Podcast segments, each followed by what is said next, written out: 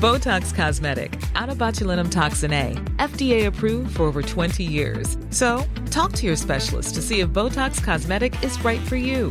For full prescribing information, including boxed warning, visit BotoxCosmetic.com or call 877-351-0300. Remember to ask for Botox Cosmetic by name. To see for yourself and learn more, visit BotoxCosmetic.com. That's BotoxCosmetic.com.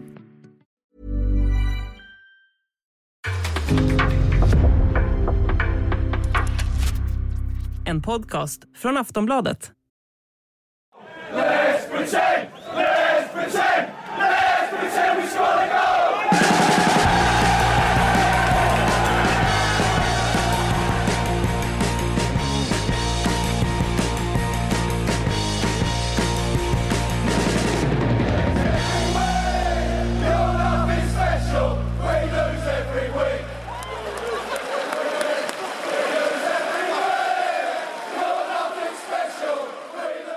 Sportbladets Premier League-podd, det är tisdag eftersom det har varit påsk och grejer eh, så eh, är det lite komprimerat allting den här arbetsveckan och det här avsnittet kommer kanske bli lite kortare än vanligt på grund av eh, ja, andra åtaganden från alla möjliga håll. Jag vet att du ska till Liverpool idag Frida. Ja, det ska jag. Gud Vad roligt, jag blir så avundsjuk. Ja, det är bråda dagar nu eftersom att de ska hinna spela av alla matcher eh, som inte spelades i vintras. Antar jag att Ja, jag antar att det är anledningen till att det är så hektiskt schema nu i alla fall. Ja. Inser att jag inte har kollat upp det närmare, men ja, eh, match ikväll och match imorgon i alla fall. Det är en kvalificerad gissning att det har med de liksom, flyttade matcherna att göra i alla fall. Måste Ja, säga. precis. Så är det ju. Ehm, och ehm, ja, vi ska såklart prata eh, Premier League, vi ska prata FA-cupen. Eh, och jag tänkte vi skulle börja där, helgens stormöte förstås. Det mellan eh, Liverpool och Manchester City. Två lag som på något sätt liksom gör upp om väldigt mycket just nu. De tampas om ligan, eh, de gjorde upp i FA-cupen här, eventuellt så kommer vi få se dem göra upp om eh, Champions League också. Om de tar sig förbi sina respektive spanska motstånd då, vill säga i semifinalerna. Frida, vad var dina intryck från den här lördagen, det som Jürgen Klopp kallade den bästa halvleken han har sett sedan han kom till klubben? Oj, eh, ja. Ja. Nej, men det kan, man väl, eh, det kan man väl hålla med om. Det var, eh, jag tyckte ändå inte att man reagerade så mycket när startelvorna släpptes. Jag vet att det var många som tyckte att det var konstigt att Guardiola gjorde så många byten. Eh, Efter att ha sett matchen mot Atletico så var jag definitivt inte förvånad över att det blev ett gäng byten för att De Bruyne kunde ju inte spela, Kyle Walker är ju skadad. Ehm, ja, det, det var i alla fall, de var lite tilltufsade så att säga efter det mötet. Men däremot så hade jag väldigt, väldigt svårt att förstå varför Zack Steffen stod i målet. Och det baserade jag egentligen på förra säsongen när han ju också gjorde ett, ja men han gjorde ju ett misstag mot Chelsea, hans positionering var inte tillräckligt bra och det gjorde att man åkte ut då och sen nu så blir det så här igen som det blev under första halvleken.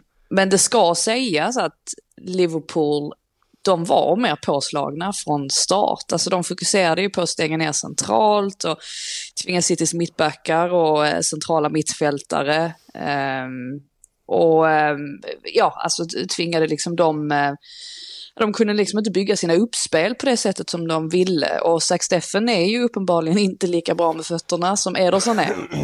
Mm. Ehm, och det fick vi se resultatet av då när Sadio Mané lyckas ja, glida in utökningen där. Och Steffen skulle ju ha gjort det bättre på Konates nick också.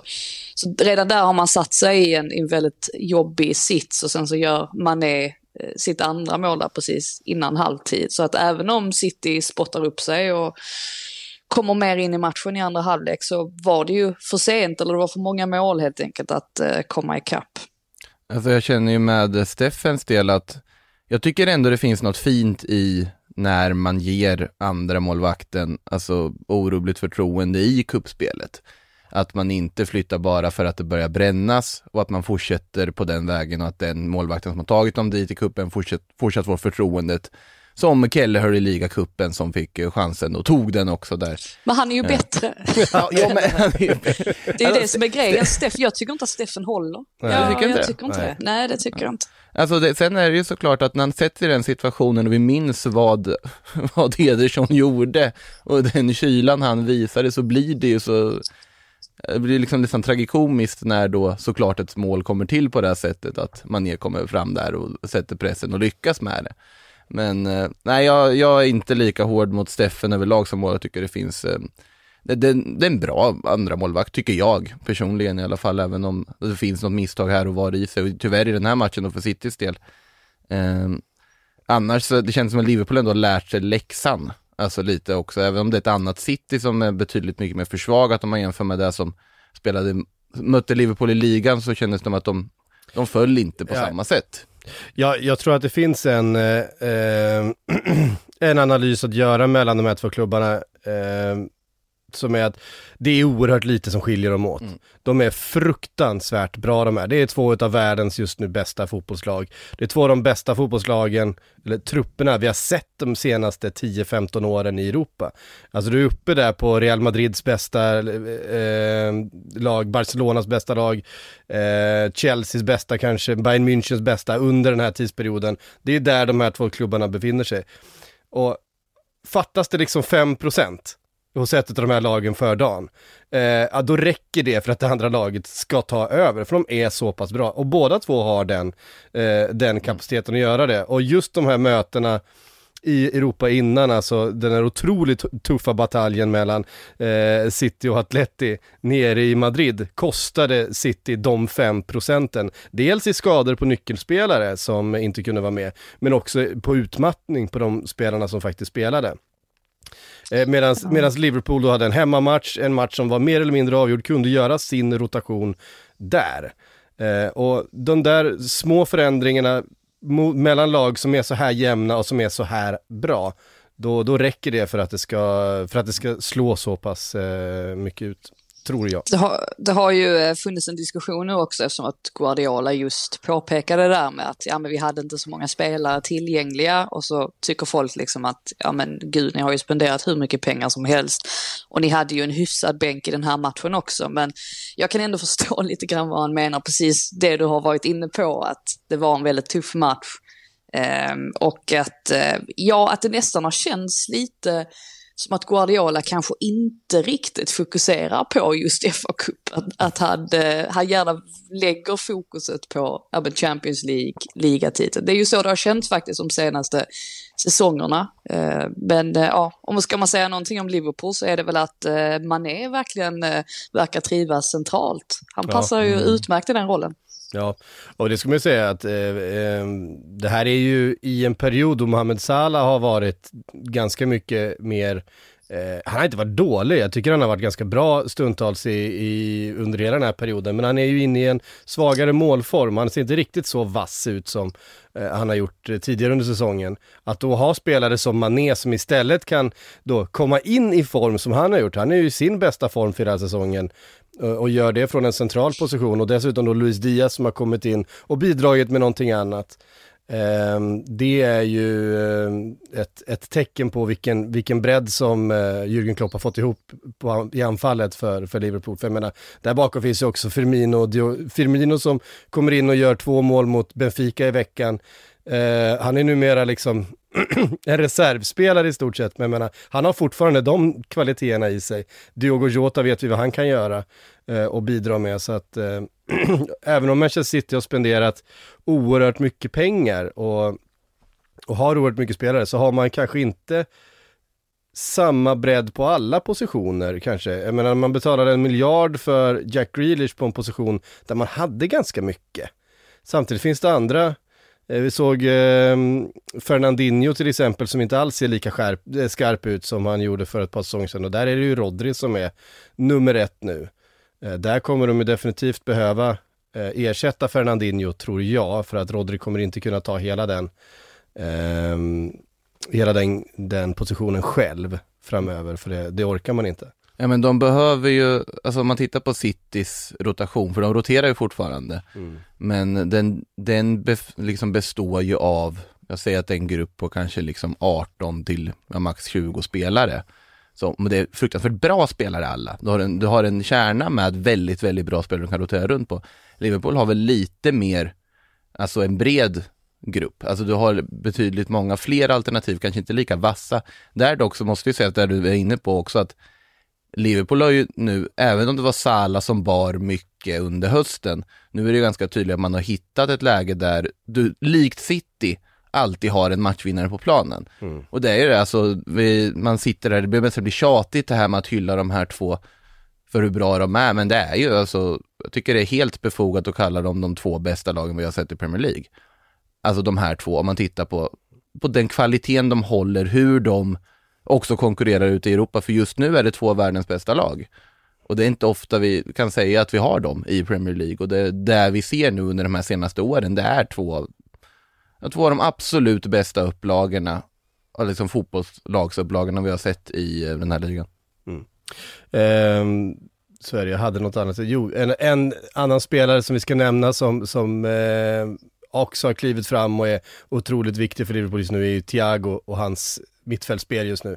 Han har varit fruktansvärt bra den senaste tiden och jag minns när vi satt här och pratade då inför att han kom, men tänk om Thiago kan komma in med det han, för nu är han ju uppe på de där mm. nivåerna han hade i Bayern München när han liksom hyllades som världens bästa mittfältare, när han dominerade det där konstiga Champions League-slutspelet, eh, coronasommaren 2020 för Bayern München. Eh, nu är han ju där och spelar på den nivån igen och det har ju gett en dimension till, eh, till Liverpools eh, mm. framförallt possession-spel. Eh, men hans, hans förmåga att bara fördela bollar på, på lite mindre ytor, alltså eh, än andra ehm, spelfördelare som Liverpool har haft som har varit duktiga, men som Jordan Henderson så gör det kanske lite mer, lägger en blöt filt på allting, vilket också mm. kan vara nyttigt att ha liksom. Men, eh, Thiago, Thiago bidrar med någonting annat än vad Liverpool har haft de här senaste åren. Det är ju rätt intressant det där att tidigare år så har ju inte riktigt spotlighten legat på just Liverpools mittfält. Att mittfältarna har nästan känts som Alltså statister är väldigt hårt att säga, men det har varit desto mer De har varit vattenbärare. Mm. Ja, ja men precis. Ja men exakt. Och har ja, men själva liksom stummen, stabiliteten där mittemellan då, alltså att man har fantastiska ytterbackar och, och fronttrion där fram. Men med honom, precis som du säger, så, så får man ju någonting, någonting helt annat. Och det var väl det Klopp ville också när han plockade in honom, att Liverpool skulle kunna spela på ett lite annorlunda sätt än vad de hade gjort hittills då. Och eh, det gör de ju onekligen nu. Mm. Nej, de skapar ju också målchanser på så otroligt många olika vis. De skapar så otroligt många olika sätt att komma till lägen. Och det, det, är ju det som också är styrkan, att du, ja, du kanske lyckas försvara fasta situationer, men då kommer det igenom på något annat sätt. Om du lyckas försvara där, så ja, men då kommer det ett inlägg där istället. Det finns så många olika sätt de kan göra mål på. Det är ju det som, alltså Thiago har ju varit vital i det, att han har kommit in och bidrar med ett, ännu ett form av hot som de inte hade förut. Och det, mm. det kan vi konstatera att det är en otroligt lyckad värvning med fast hand. Jag eh, ska säga någonting om Konate också som gör mål för tredje matchen i rad. Ja, vad händer med honom alltså? ja, men, och han, han gjorde ju en hel del mål även i, eh, i Leipzig eh, när han spelade där, alltså för att, för att vara mittback såklart. Men jag menar, kolla på killen när han kommer, när han kommer farande om bollen, om bollen Vad kommer mot honom. Jesus alltså. Ja jävlar, alltså det var inte så att han missade markeringen Jesus, det var ju bara det att han hade ju ingen som helst möjlighet att stoppa 100 kilo i Bukonate som kommer, vad är han, 1,95-6 lång, eh, måste väga 100 kilo, eh, hoppar hur högt som helst. Så det är klart att har man dessutom en Virgil van Dijk på plan som normalt sett ska dra de, den starkaste defensiva huvudspelaren eh, i boxen och så har du en till sån. Det blir väldigt svårt att försvara sig mot till slut och så då inläggsfötter som Andy Robertson och eh, Trent Alexander-Arnolds så är ju det såklart ett eh, enormt vapen och det har vi sett hela, hela säsongen vilket, vilket vapen eh, det är på fasta situationer för Liverpool. Eh, jag vet inte, ska vi säga något mer om, eh, om City? Det känns som att de de kom ju liksom inte upp i, i, i nivå, de, de såg ju tröttkörda ut. Trots allt så var det bara ett mål som skilde till slut. De eh, fick in det där tidiga målet i, i andra halvlek eh, tack vare Jack Grealish. Eh, eller ja, tack vare Bernardo Silva var det väl egentligen som stod för förarbetet. Eh, Och eh, det blev ju lite spännande på slutet ändå, men det kändes som att eh, ja, City har gjort bättre matcher än så här under säsongen. Ja, alltså sista reduceringen kommer ju för sent. Det var väl bara mm. knappt en minut kvar då. Eh, hade, det var väl Jesus som hade några hyfsade lägen där. Precis, han hade, hade ett friläge.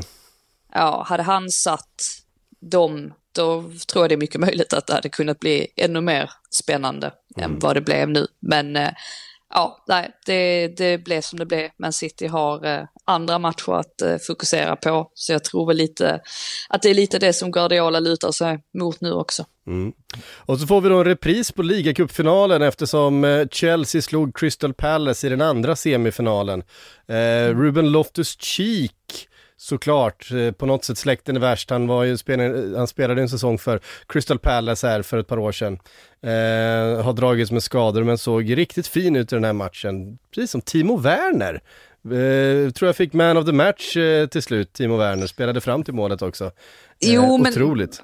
men såg du inte ändå där på, på slutet efter att Robert Lukaku hade kommit in, hur otroligt icke-synkade, eller vad säger man, osynkade de är. Alltså alla vet liksom när Timo Werner kommer längs kanten så man kan ändå föreställa sig vad det är för typ av inlägg som kommer komma av det. Men Lukaku förstår inte det. Alltså det var, det var ju någon, eh, ja, alltså det var något eh, tillfälle där i alla fall där man kände att där skulle liksom Lukaku ha varit. Sen var det lite grann som att Lukaku lärde sig efter det så att nästkommande läge var, då var, då var han lite närmare men, eh, men ändå. Det, eh, det, det ja man såg varför det inte riktigt har fungerat med eh, Lukaku och Werner, alltså det partnerskapet i alla fall. I övrigt tyckte jag att Crystal Palace var ju med i den här matchen väldigt länge. Alltså hela första halvlek var ju ganska jämn faktiskt. Sen är det ju det här misstaget som leder fram till 1-0 målet. Efter det så klappar de ihop lite, eh, tappar kanske tron på, på det de gör och sen så kan eh, Chelsea till slut ta en bekväm 2-0-seger. Men eh,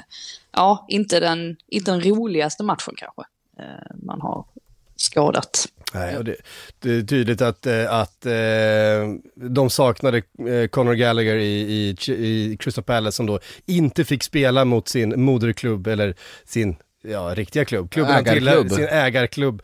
Det låter ju sjukt att säga ägarklubb, men sin, sin riktiga kontrakterade klubb. Eh, Chelsea och han är väl kanske deras deras viktigaste spelare, en av dem i alla fall och eh, det där, den där länken mellan, eh, mellan försvar och, och, i omställningarna, den, den fanns inte riktigt där, den som han, han brukar vara eh, när Crystal Palace spelar fotboll. Um Måste, måste stanna lite här också med, eh, eller hoppa tillbaka till Timo Werner känner jag så. För Alltså det känns som att han börjar hitta rätt, man har sagt det här förut, men det, det kan mycket väl dyka upp att han kommer göra stå konstant offside i nästa match och se allmänt trubbig ut, men inte bara den här insatsen, men också det han gör i Champions League där, alltså målet han gör i den matchen, det, det känns inte som Timo Werner i en Chelsea-tröja. Men den ja, kylan första gången han har flyt med sig på, alltså någonsin. Det också, det, det också. Ja men det är en enorm kyla i hela den situationen, någon sån kyla man inte riktigt sett honom ha heller, så att det, det båda är väldigt gott med också att se Kai Havertz som, jag tycker alltså, hans löpningar, hans sätt att tolka ytor, hans sätt att hela tiden öppna upp lägen, röra sig in på rätt platser, öppna upp för lagkamrater, det är ju han är ju unik på det sättet och nu börjar, tycker han har börjat hitta igång på allvar under senaste tiden egentligen. Så att eh, det, det finns ändå att bygga på det där offensiven. Alltså tyska krafter, det kan bli väldigt spännande att följa framöver också. Mm.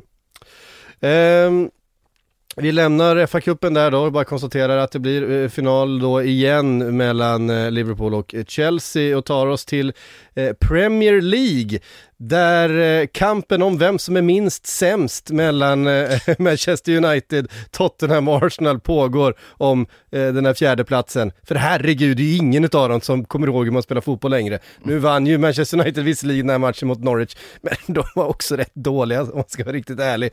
Det, det, det, jag vet, vad är det som händer här Frida? Är det, är det nerver? Spårar det ur? Jag vet inte, jag var ju på Tottenham Brighton och eh, så gjorde jag min sån här ståa där inför matchen och så sa jag, Dejan Kulusevski var ju på omslaget på matchprogrammet.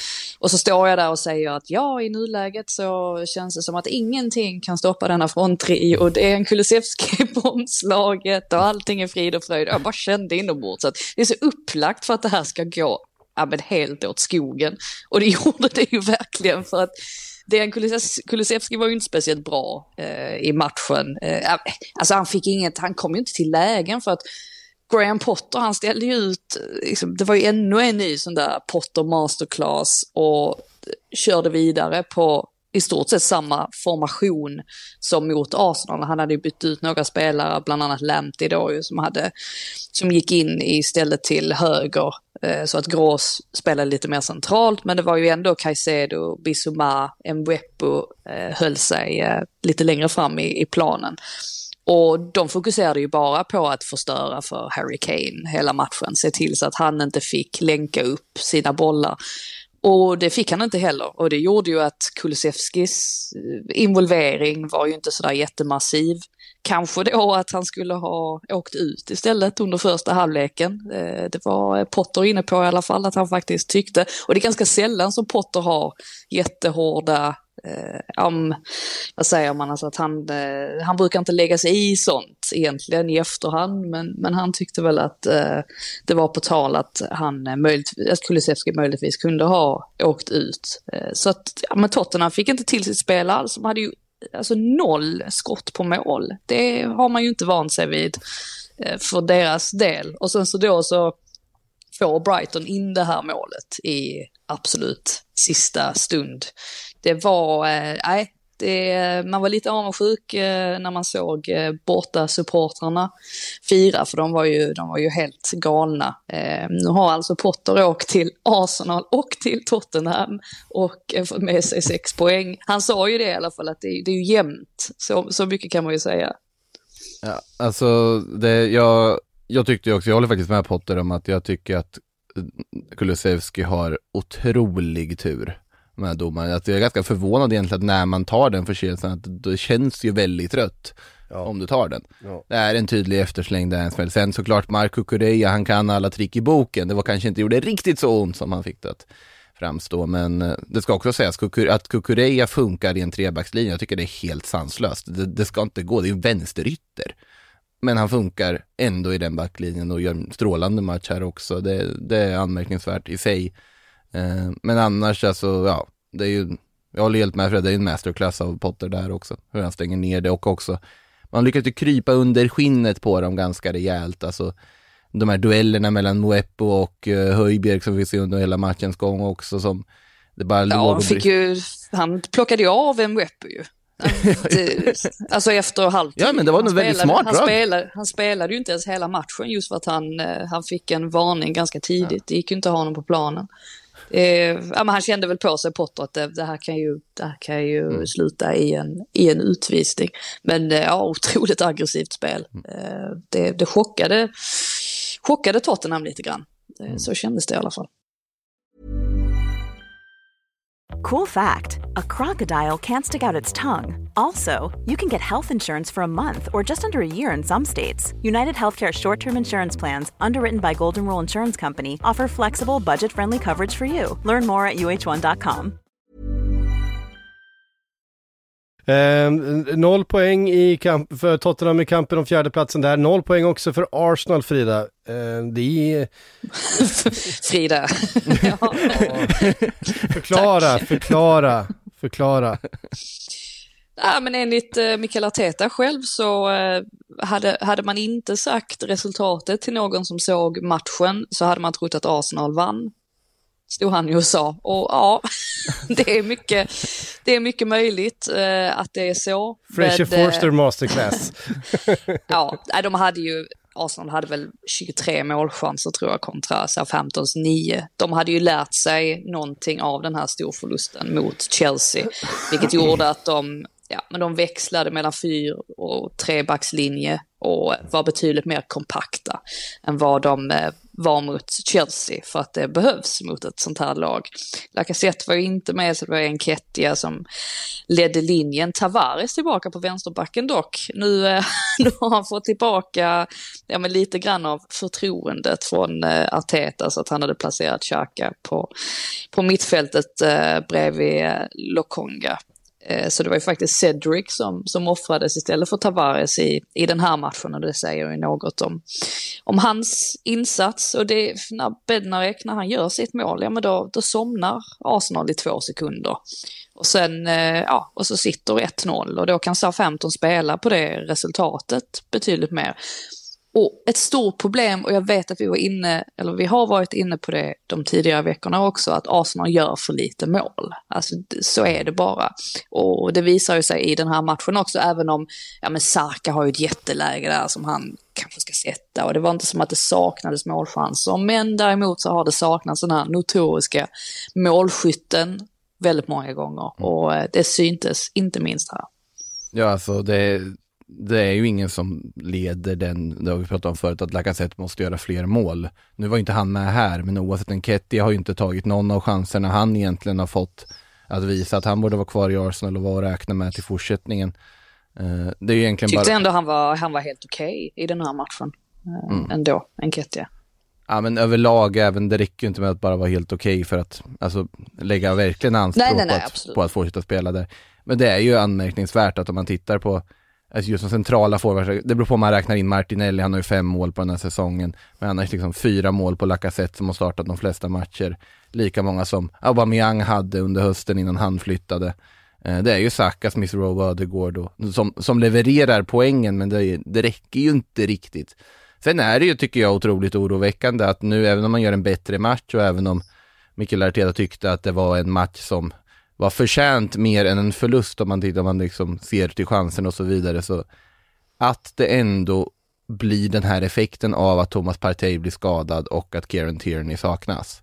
Det är ganska anmärkningsvärt och det är tydligt att ja, Arsenal må medvetet och kanske ändå korrekt strömlinjeforma truppen i vintras. Man valde att plocka bort liksom överflödigt material, kanske inte ersätta det direkt men bara få liksom mer spets på på truppen i helhet, att du, du har en mer tydlig kärna. Till sommaren som kommer nu tycker jag snarare att man måste börja titta på att bredda för att det, det, det är, det går inte att vara, såklart att alla lag skulle lida av att bli av med sin absolut bästa defensiva mittfältare och sin bästa wingback. Det råder ingen tvekan om det. Men man kan inte lida så här mycket som Arsenal gör och falla ihop på det här sättet som de har gjort, för de kände sig självklara innan. Det är ju två veckor sedan som de var helt självklara. Mm. Och nu är det tre raka förluster det får inte falla ihop så där om man ska komma till de nivåerna som man ändå vill att Arsenal ska komma till någon gång igen. Nej, det var ju det här vi satt och sa. Det var ju de här matcherna som man skulle vinna dessutom, för nu kommer man ju till de här riktigt svåra matcherna. Mm. Eh, nu skulle man ju ha den här bufferten och känna att ja, men det här är i stort sett klart. Ja, men nu kan vi tappa poäng. Nu har, vi, nu har de Chelsea på, på onsdag. Eh, det blir ingen, ingen lätt match. De har, de har fler, liksom, riktigt tuffa matcher kvar här och, och spela som kommer där på en, eh, i en tät följd då kan det ju rent av bli så att man eh, halkar efter istället. Så att ja, det, det, det är som att ingen vill ha den där fjärdeplatsen.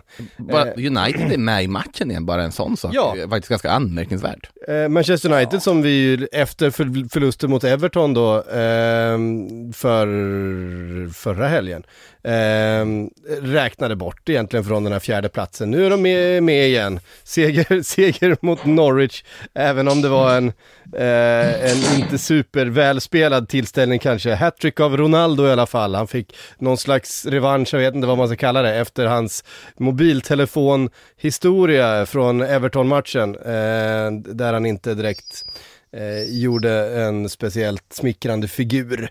Eh, slog sönder alltså... en ung, ung Everton-supporters eh, telefon på vägen ut eh, i frustration. Det är typiskt honom på något sätt, att studsa tillbaka så här genom att göra tre mål.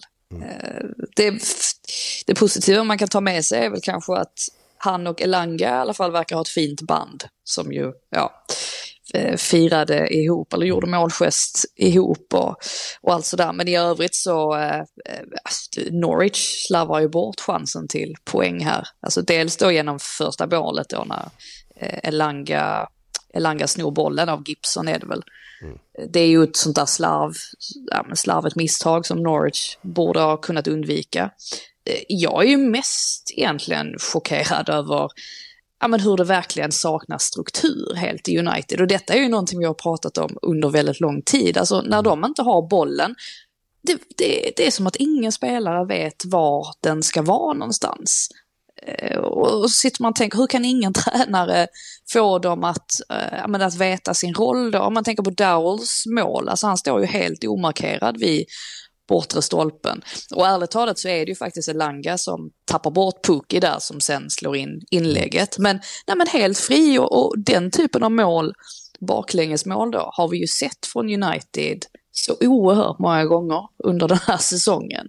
Eh, jag vet inte, Alex Telles, jag har inte jättemycket till övers för honom. Han osäker på om han ens vill spela. Han var nonchalant i den här matchen och, och joggade mest runt. Så att, eh, alltså de kan ju inte alltid förlita sig på sin individuella kvalitet och det känns som att de, de tror att de kan det. Det, sen också det här mittfältet man ställer upp med här med Lingard, Pogba, Fernandes i en trea. Nu fanns ju inte Fred och McTominay med, med och de har ju säkert spelat och de har varit tillgängliga men Alltså det, det är ju inte jättemycket täckning till den där backlinjen som i sig inte heller har, har rosat marknaden heller. Eh, det blir ju lite i den här matchen också att de sitter ju i en, de sitter ju i en sits där man inte har en struktur och strukturen har vi varit inne på jättemånga gånger förut. Men att och mycket av att de inte har en struktur baseras på att man, inte har haft någon plan med hur man värvar. Alltså Jadon Sancho, absolut, man värvar in honom, det fanns en jättetydlig plan med att han ska gå in och bli den här högerytten som man saknar, men den här spontanvärvningen av Cristiano Ronaldo som man ändå gör, för den kändes ju så extremt spontan. Att, ja men, han får inte gå till City, vi plockar honom nu. Uh, absolut, Cristiano Ronaldo, om inte han hade varit på plan här så hade de säkert inte vunnit den här matchen. Men frågan är, hade Manchester United haft en struktur nog att inte behöva hans hattrick om, ja, om man inte är Ronaldo. Det där är så svårt moment 22 tycker jag med honom. Men sen, sen såklart, i en sån här match är det svårt att bara, att blicka bort från att ja, han gör hattrick och räddar dem i den här matchen, så är det ju. Jo, men sen återigen så tycker väl jag lite grann också att eh, ja, det har fokuserats väldigt mycket på spelarna nu den senaste tiden och det pratas om att spelarna, de, de spelar inte för klubben och, och de spelar inte för tränaren och sådär.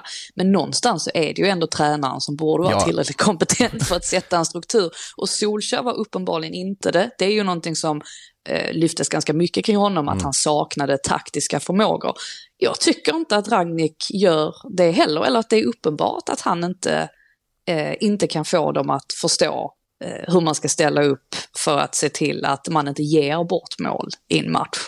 Eh, jag vet inte, jag hörde också på Ragniks presskonferens här inför matchen mot Liverpool att då drar han helt plötsligt upp att, eh, när man, typ som att han tar åt sig äran av att det går så bra för Liverpool för att fem, sex spelare hittade han, menar han på att han, han köpte in dem till sina klubbar. Och jag, jag vet inte, jag har sån dålig känsla kring Ralf Ragnik.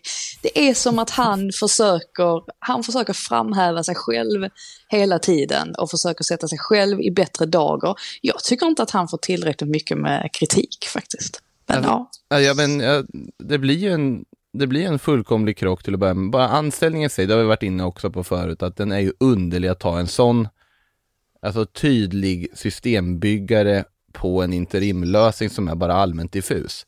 Han kommer till en trupp som inte överhuvudtaget är byggd för att spela den fotbollen som han är väldigt Alltså principfast i att vilja spela, det blir bara total krock. Men samtidigt, jag håller helt med om att alltså, det är för dåligt det som han har gjort också.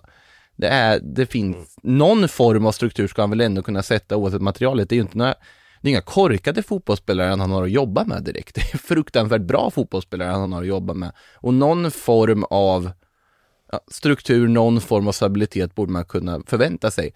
Samtidigt, många lag som inte har någon struktur, och då tänker jag på ett visst Real Madrid bland annat, de klarar sig på att de har extrem individuell kompetens istället, även om liksom strukturen saknas. Men det har ju Manchester United. Exakt, och, det är där så, och då blir det att man ändå hamnar på att man ifrågasätter vad spelarna sysslar med också.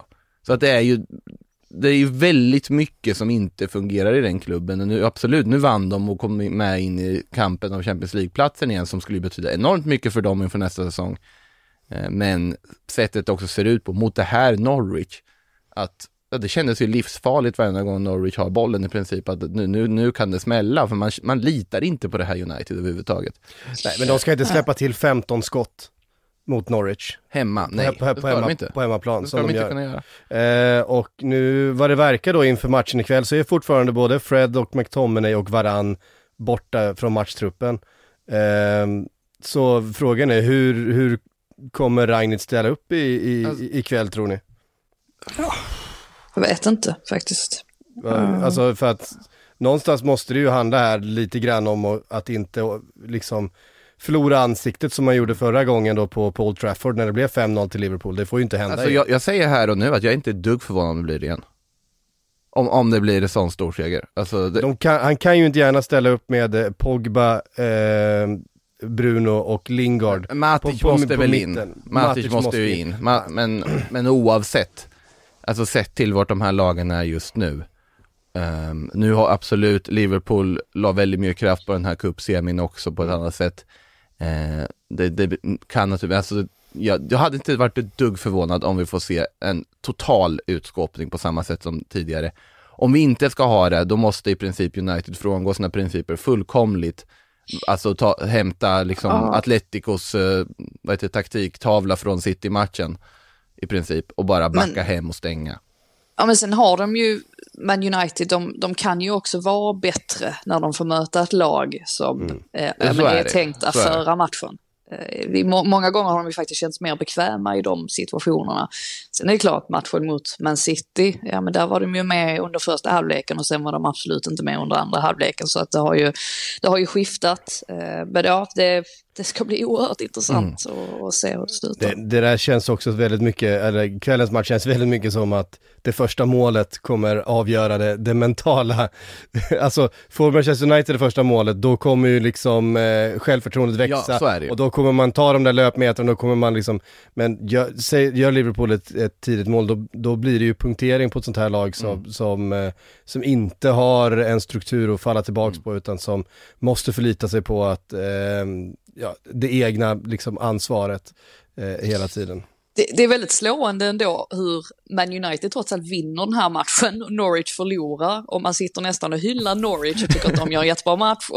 Så Men Man Norwich är också tvärsist i ligan och, De, de, de, och är, är, inte, är, är inte Premier League-mässiga, det får vi ändå... Ja, men Norwich just nu är ju sån här liksom minstingen i familjen, man, man liksom klappar om och tycker, men det var ändå bra Två- kämpat. Två raka segrar.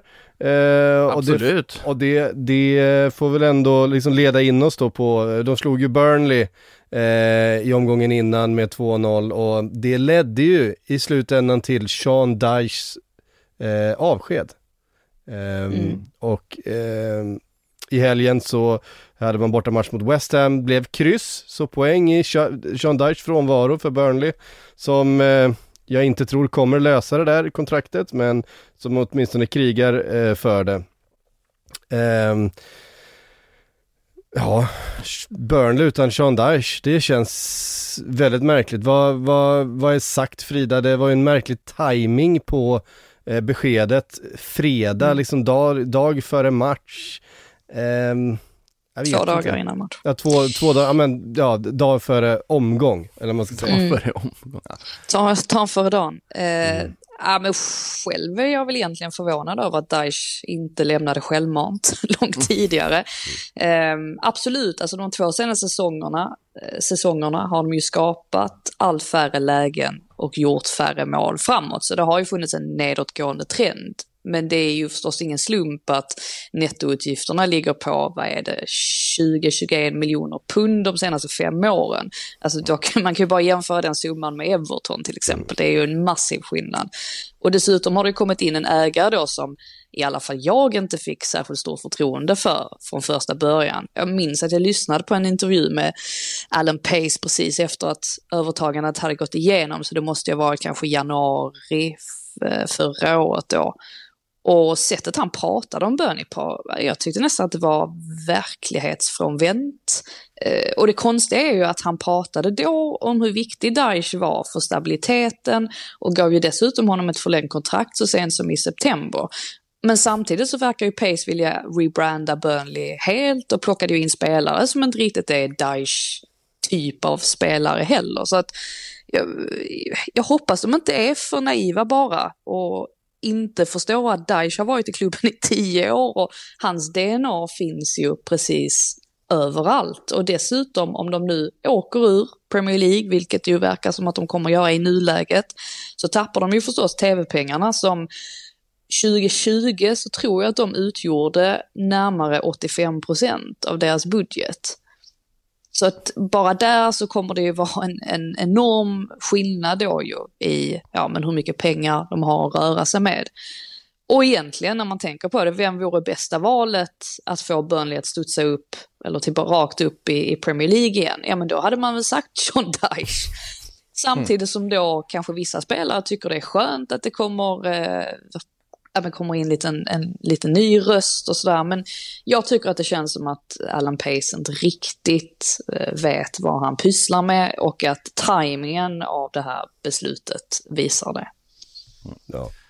det, det, det, timingen är intressant, verkligen att man, man alltså sen, sen folk har ju lite så här, man tittar på sociala medier, överreagerat på att det ska vara så sorgligt att han, absolut han har gjort en lång och trogen tjänst, men jag är ju inne på ditt spår där Frida, att man är förvånad på något sätt att han inte bryter eller att de inte har brutit det tidigare på den väldigt tydliga nedåtgående trenden. Nu har han ju ändå, det som ligger lite också, han får in Wout Weghorst. Han får en värvning som han behöver. Det har han ju inte fått så mycket överhuvudtaget att jobba med. Och det har ändå inte riktigt funkat. Nu var det i och för sig, Weghorst kom in bara för att Chris Wood försvann. Ja, exakt. Så att det är ju liksom bara en ut, en in. Uh, och han, har inte, och han har inte varit, Vegas har ju faktiskt inte varit så bra på, på sistone. Han var ju faktiskt mer involverad mot West Ham och det kan man tänka sig att de, de de ändrade ju ändå, visst det var samma, eh, stort sett samma formation och sätt att spela på, för man hinner ju inte ändra så mycket på 24 mm. timmar, men han var nog mer involverad än tidigare eftersom Cornel låg väldigt högt upp på sin kant, något han kanske inte har gjort innan, vilket gjorde att det blev lite större variation där fram. Så det är väl en sån grej som ja, man kan peka på att ja, men det kanske behövdes lite en, en, en ny röst och sådär. Sen skadan på Ashley Westwood gör ju också mycket att ja, men, eh, den fina starten man får eh, ja, kommer ju av sig. Och sen Corné då som ju faktiskt har missat två enorma lägen nu den senaste veckan.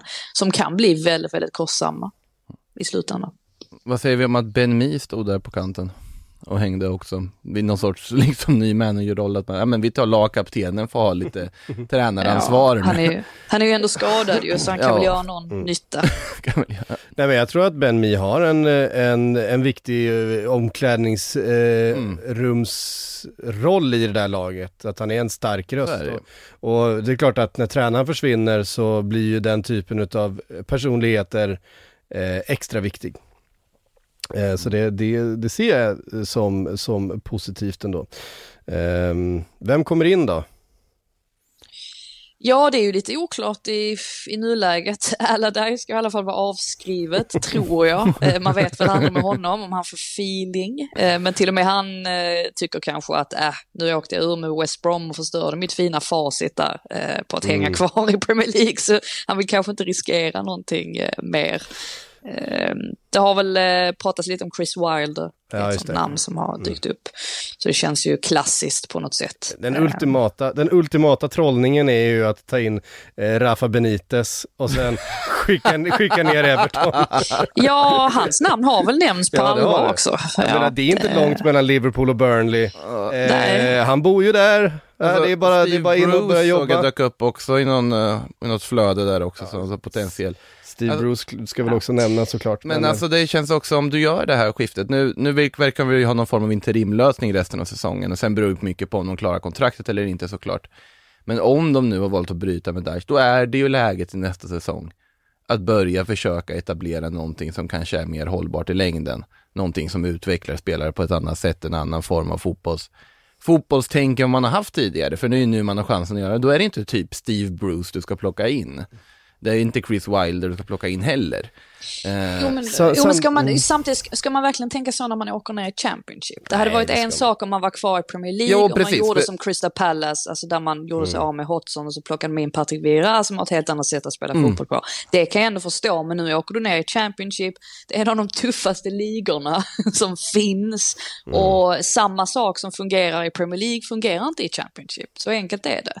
Och just därför måste man kanske bli lite mer pragmatisk då i, i vissa fall. Och särskilt då som Burnley som ju inte har värvat sådär jättemycket de senaste åren, mm. har en ganska ålderstigen trupp. Jag vet inte, det är, det är en ganska tuff, tuff uppgift ändå att mm. försöka få upp dem igen i Premier League om de åker ur nu. Ja, man kan inte räkna hem någonting i och med att Everton fortfarande är som de är. Men eh, ja, jag, bara, jag bara menar att det, är en ganska, det vore en ganska prekär situation tror jag. Jag är inte säker på att eh, de vet hur de skulle hantera det. Man, man ser ju viss potential att det kan eh, fortsätta falla om de här skulle åka ur, om de inte prickar rätt här nu med tanke på läget också. Det har man ju sett förr med, så att det det är bara att hoppas att de håller ihop det för jag tycker ändå att Burnley Alltså det är ett lag som tillför någonting till Premier League. Det är ett lag som alltså man gillar att ha där tycker jag också på sättet att de är inte de har sin tydliga stil. Nu får vi se, nu har jag ju precis förespråkat att de ska byta stil egentligen. Men, så att, men samtidigt, jag tycker de... Ja men de måste komma ihåg också att Sean Dyche tog det här laget ut i Europa. Mm. Med den här fotbollen. Och eh, kasta bort det lite grann. Ja, visst, visst, absolut, men, men, men det är också ja, så här. det är ju han, en av de största bedrifterna som har gjorts ju ja, i Premier League. Det är, det, det, är en, det, är en av de, det är en av de mest eh, sensationella tränargärningarna mm. eh, som, vi har, ja, men som du är inne på, som vi, har, som vi har sett. Alltså han tog med den budgeten, med den här fotbollen, med det här laget, tog han hela, hela vägen ut i fucking Europa. Eh, det, är, det, är, det är sjukt mäktigt och um, det kanske är den främsta bedriften efter Leicesters ligatitel egentligen. Jag tycker inte ja, det... det är någonstans ja. där alltså. Det är ju definitivt en, en utav dem. Ehm, och jag menar, när, jag vet inte vart de låg när han tog över. Ehm, Championship. Ja. mm. de låg i Championship. Ehm, ja, det, det, det är synd, men det är klart att Ska man spela den fotbollen kanske det är just precis Sean Dyche man behöver. Det finns andra med liknande fotbollsfilosofi mm. som inte kommer vara lika framgångsrika. Och då eh, kanske man ändå behöver titta på något annat sätt eh, att spela. Nå de som har varit mest framgångsrika skulle jag säga i att gå från en, eh, en, en reaktiv, ja, vad man ska kalla lite negativ fotboll, till att försöka göra någonting annat eh, i ett i rätt skede, det är ju Brighton när man hade en, vad man tyckte var en, en hyfsat framgångsrik ehm, eh, säsong och sparkar tränaren och tar in Graham Potter i ett skede där man var, hade lite momentum uppåt. Eh, det kan man ju inte säga att Burnley har just nu så jag är nog också inne på att man ska försöka eh, steady the ship och ta sig tillbaka. För det är klart att även om de har en mindre budget än vad de övriga Premier League-lagen har och att de hela tiden har fått eh, slåss uppåt på något sätt, så kommer de ju ner som ett lag med betydligt större resurser än de flesta Championship-lag har. Eh, efter alla de här säsongerna i Premier League. De har ju en, en organisation och en trupp som eh, definitivt ska hävda sig i, i, i Championship eh, om det är så att de åker ur. Det, det vill jag hävda. Det är ju lite synd att Neil Warnock har gått i pension. Alltså, alltså det, men, jag... men nej, nej, han, har inte, han har inte gått i pension. Det har han inte. Han, han säger att han har gått i pension och sen i nästa and, andetag så säger han, men om det skulle dyka upp något intressant så är det möjligt. Att alltså är det inte lite ändå fascinerande, han faktiskt aldrig tränat Burnley. Men han känns ju så otroligt kompatibel att träna Burnley någon gång. Sen tycker jag ärligt talat, jag, jag tycker på ett sätt också att, att Sean Dyche han får ganska mycket men, oförtjänt skit också för sitt sätt att spela fotboll på. Jag tycker inte att det är så hemskt som många vill göra Nej. gällande, eller att hans fotboll är så omodern. Alltså, de i alla fall senaste den här säsongen har ju varit lite annorlunda, men jag vet ju förra säsongen så pressade ju Burnley ganska högt. Alltså det var ett ganska högt pressande lag och ändå tror folk liksom att äh, men de, de backar bara hem och så står de där. Men så har det inte riktigt varit. Så att Sean Dyche, jag håller honom jättehögt som fotbollstränare och hoppas verkligen för hans skull att han får ett mm. fint nästa jobb här för att han kommer göra ett bra jobb vart han än går. Ja, alltså jag tror att Sean Dyche, eh, han går ändå eh, med, med stark eh, portfölj ur den här mm. sessionen, ur alla de här åren i Burnley. Dels så får han ju rätt bra betalt med tanke på att han skrev nytt nytt kontrakt här för mindre än ett år sedan och har väl, ja, får helt enkelt kompenseras för dem. Typ tre år han har kvar på det kontraktet. Eh, och så det är klart att, jag menar, hade jag varit Watford-supporter just nu så hade jag ju eh, tagit in Sean Dyche vilken sekund som helst. Eh, för att man kommer ju mm. åka ur, Roy Hodgson kommer inte vara kvar. Eh, den Och de vill tydligen ha lite, hitta lite mer stabilitet, så har det gjorts gällande nu. Å andra Eh, sidan, att de, de vill inte vara och den Sean här- Dyche, det ja. kan ju också, det kan ju Nej, också gå helt åt skogen. Men de, de vill tydligen inte fortsätta vara den här klubben som kickar fyra tränare per säsong. Sluta Och, eh, göra det då. Ja, men då, då behöver man kanske hitta någon eh, med stabil pjäs. Ja, Ja, Det är kanske Sean Dyche. Ja, det hade faktiskt varit perfekt tror jag. Sean Dyche i Watford, den, det skriver jag under på. Ja, ja, de måste ju börja förbereda sig för, för nästa säsong redan nu. Så att eh, in med Sean Dyche, absolut. Eh, nej, han kommer inte ha ont om, eh, ont om erbjudanden, det, det kan vi vara rätt säkra på. Eh, ska vi se, vad hade vi mer i helgen som spelades? Watford förlorade ju, det kan Ja. man väl konstatera. Alltså, här mot Brentford. Fin, Brentford. Pon, Pontus Jansson, Just det. Pontus Jansson på 90 plus 5. Eh, avgör för, för Brentford som nu är uppe på en fin eh, mittenplacering. De eh, såg lite svajiga ut där ett tag eh, för någon månad sedan men har ju studsat tillbaks rejält och ser jättefina ut igen. Eh, Christian Eriksen-effekten kan man ju faktiskt säga utan att sticka ut hakan överhuvudtaget för att ja, Lite grann, det är han som slår bollen till eh, det, Ja. Jansson. Men han har förstås, Eriksen har ju förstås gett stor del i det, men det Mm. finns en annan som jag tycker gör väldigt stor skillnad också. Det är att David Raya är tillbaka i målet. Eh, Fernandes höll inte riktigt samma klass. Och jag tror att just den stabiliteten som han skänker där bak, det har nog också hjälpt dem väldigt mycket. Det är ju kul för Jansson också. Den första, eller matchen han missade förra veckan var ju den, den första för säsongen. Så att eh, skönt att han kom tillbaka med besked.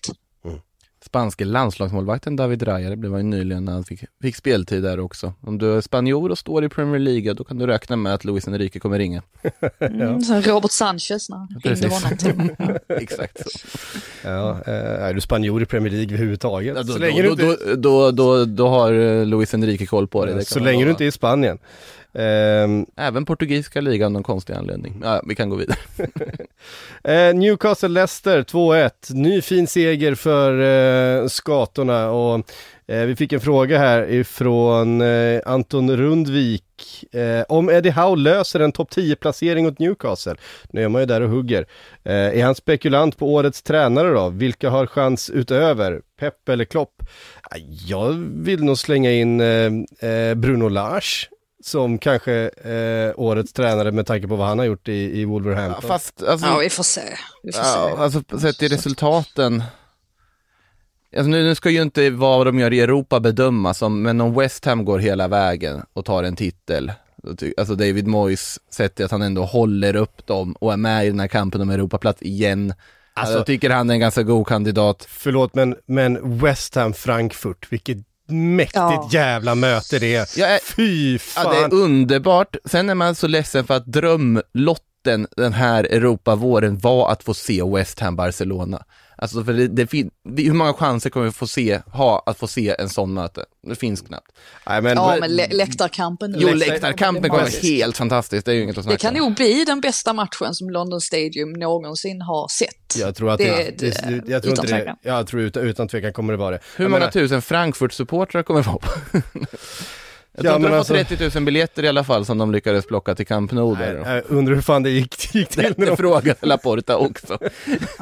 ja, det, och det var väl Men, ytterligare ja. typ 10-15 tusen dit reta, resta Frankfurt-supportrar utanför. Eh, jag hörde De hade ju det var, supportermarsch, fast i, på bortaplan. ja, jag sa att det var 40 000 Frankfurt-supportrar på plats i, i Barcelona, att det var 30 000 på läktaren. Det är helt, alltså, jag, jag, hanterar London det Fri- Frida? Kan det bli kaos? Ja, det är nog, eh, i och för sig, de lyckades hantera Skottland, England förra sommaren, så att det känns ju som att eh, de borde kunna klara av eh, det här också. Men jag ska, jag ska på matchen och eh, ja, Härligt. det ska, det ska bli, eh, nej, det ska bli jäkligt, eh, jäkligt kul på många, faktiskt. på många sätt så över, övertrumfar ju den matchen, alltså det mötet, eh, Champions League-matcherna samma vecka. Det är något med, med just det här mötet, West Ham-Frankfurt. Det är två lag som inte eh, heller har en massa europeisk framgång. Det är supportrar som inte har det här, alltså de är ju ute på liksom sitt största äventyr här.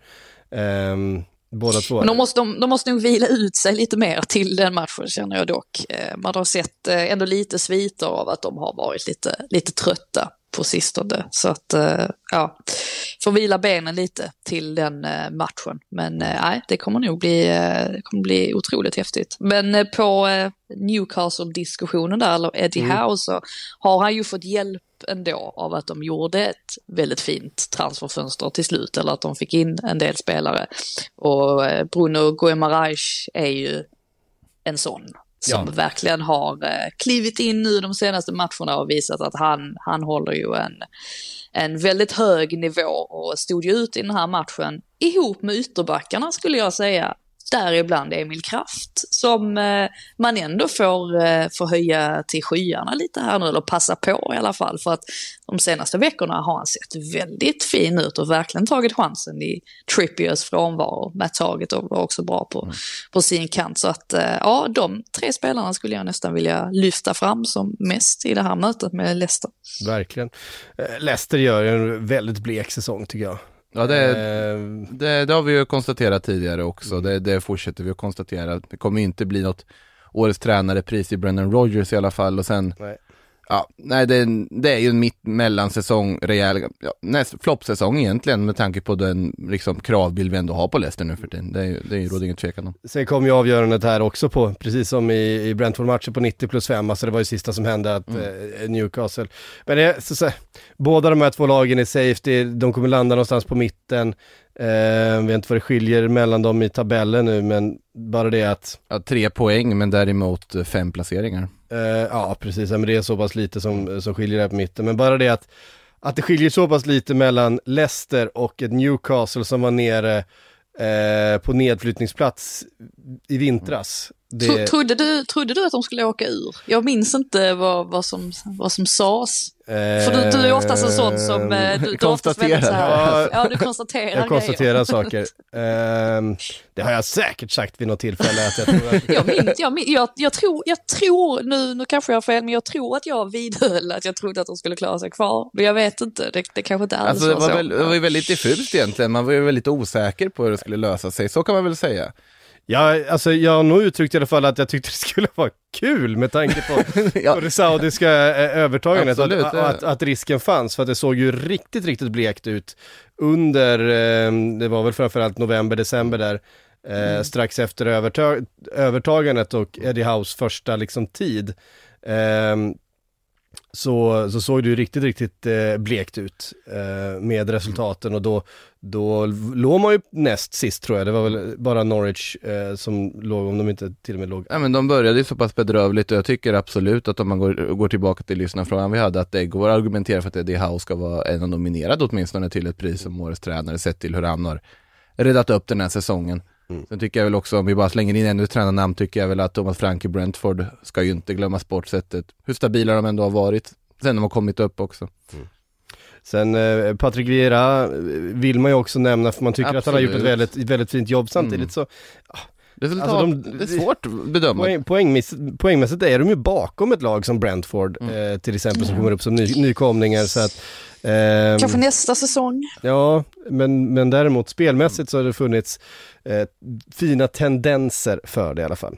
Hörrni, nu kommer vi bli utsparkade ur studion här. Eh, Eh, vi tackar för oss. Vi har en fullmatad vecka, så eh, tuna in på Sillypodden ska vi försöka sammanfatta lite av det som hänt spelmässigt under veckan också. Eh, vi, vi får göra någon slags mitt i veckan uppdatering här och sen eh, Sportbladets Premier League-podd är tillbaks här eh, nästa måndag igen då, som en knapp vecka så är vi tillbaks med fler. Eh, Ja, fler, fler funderingar och spaningar eller om man säger.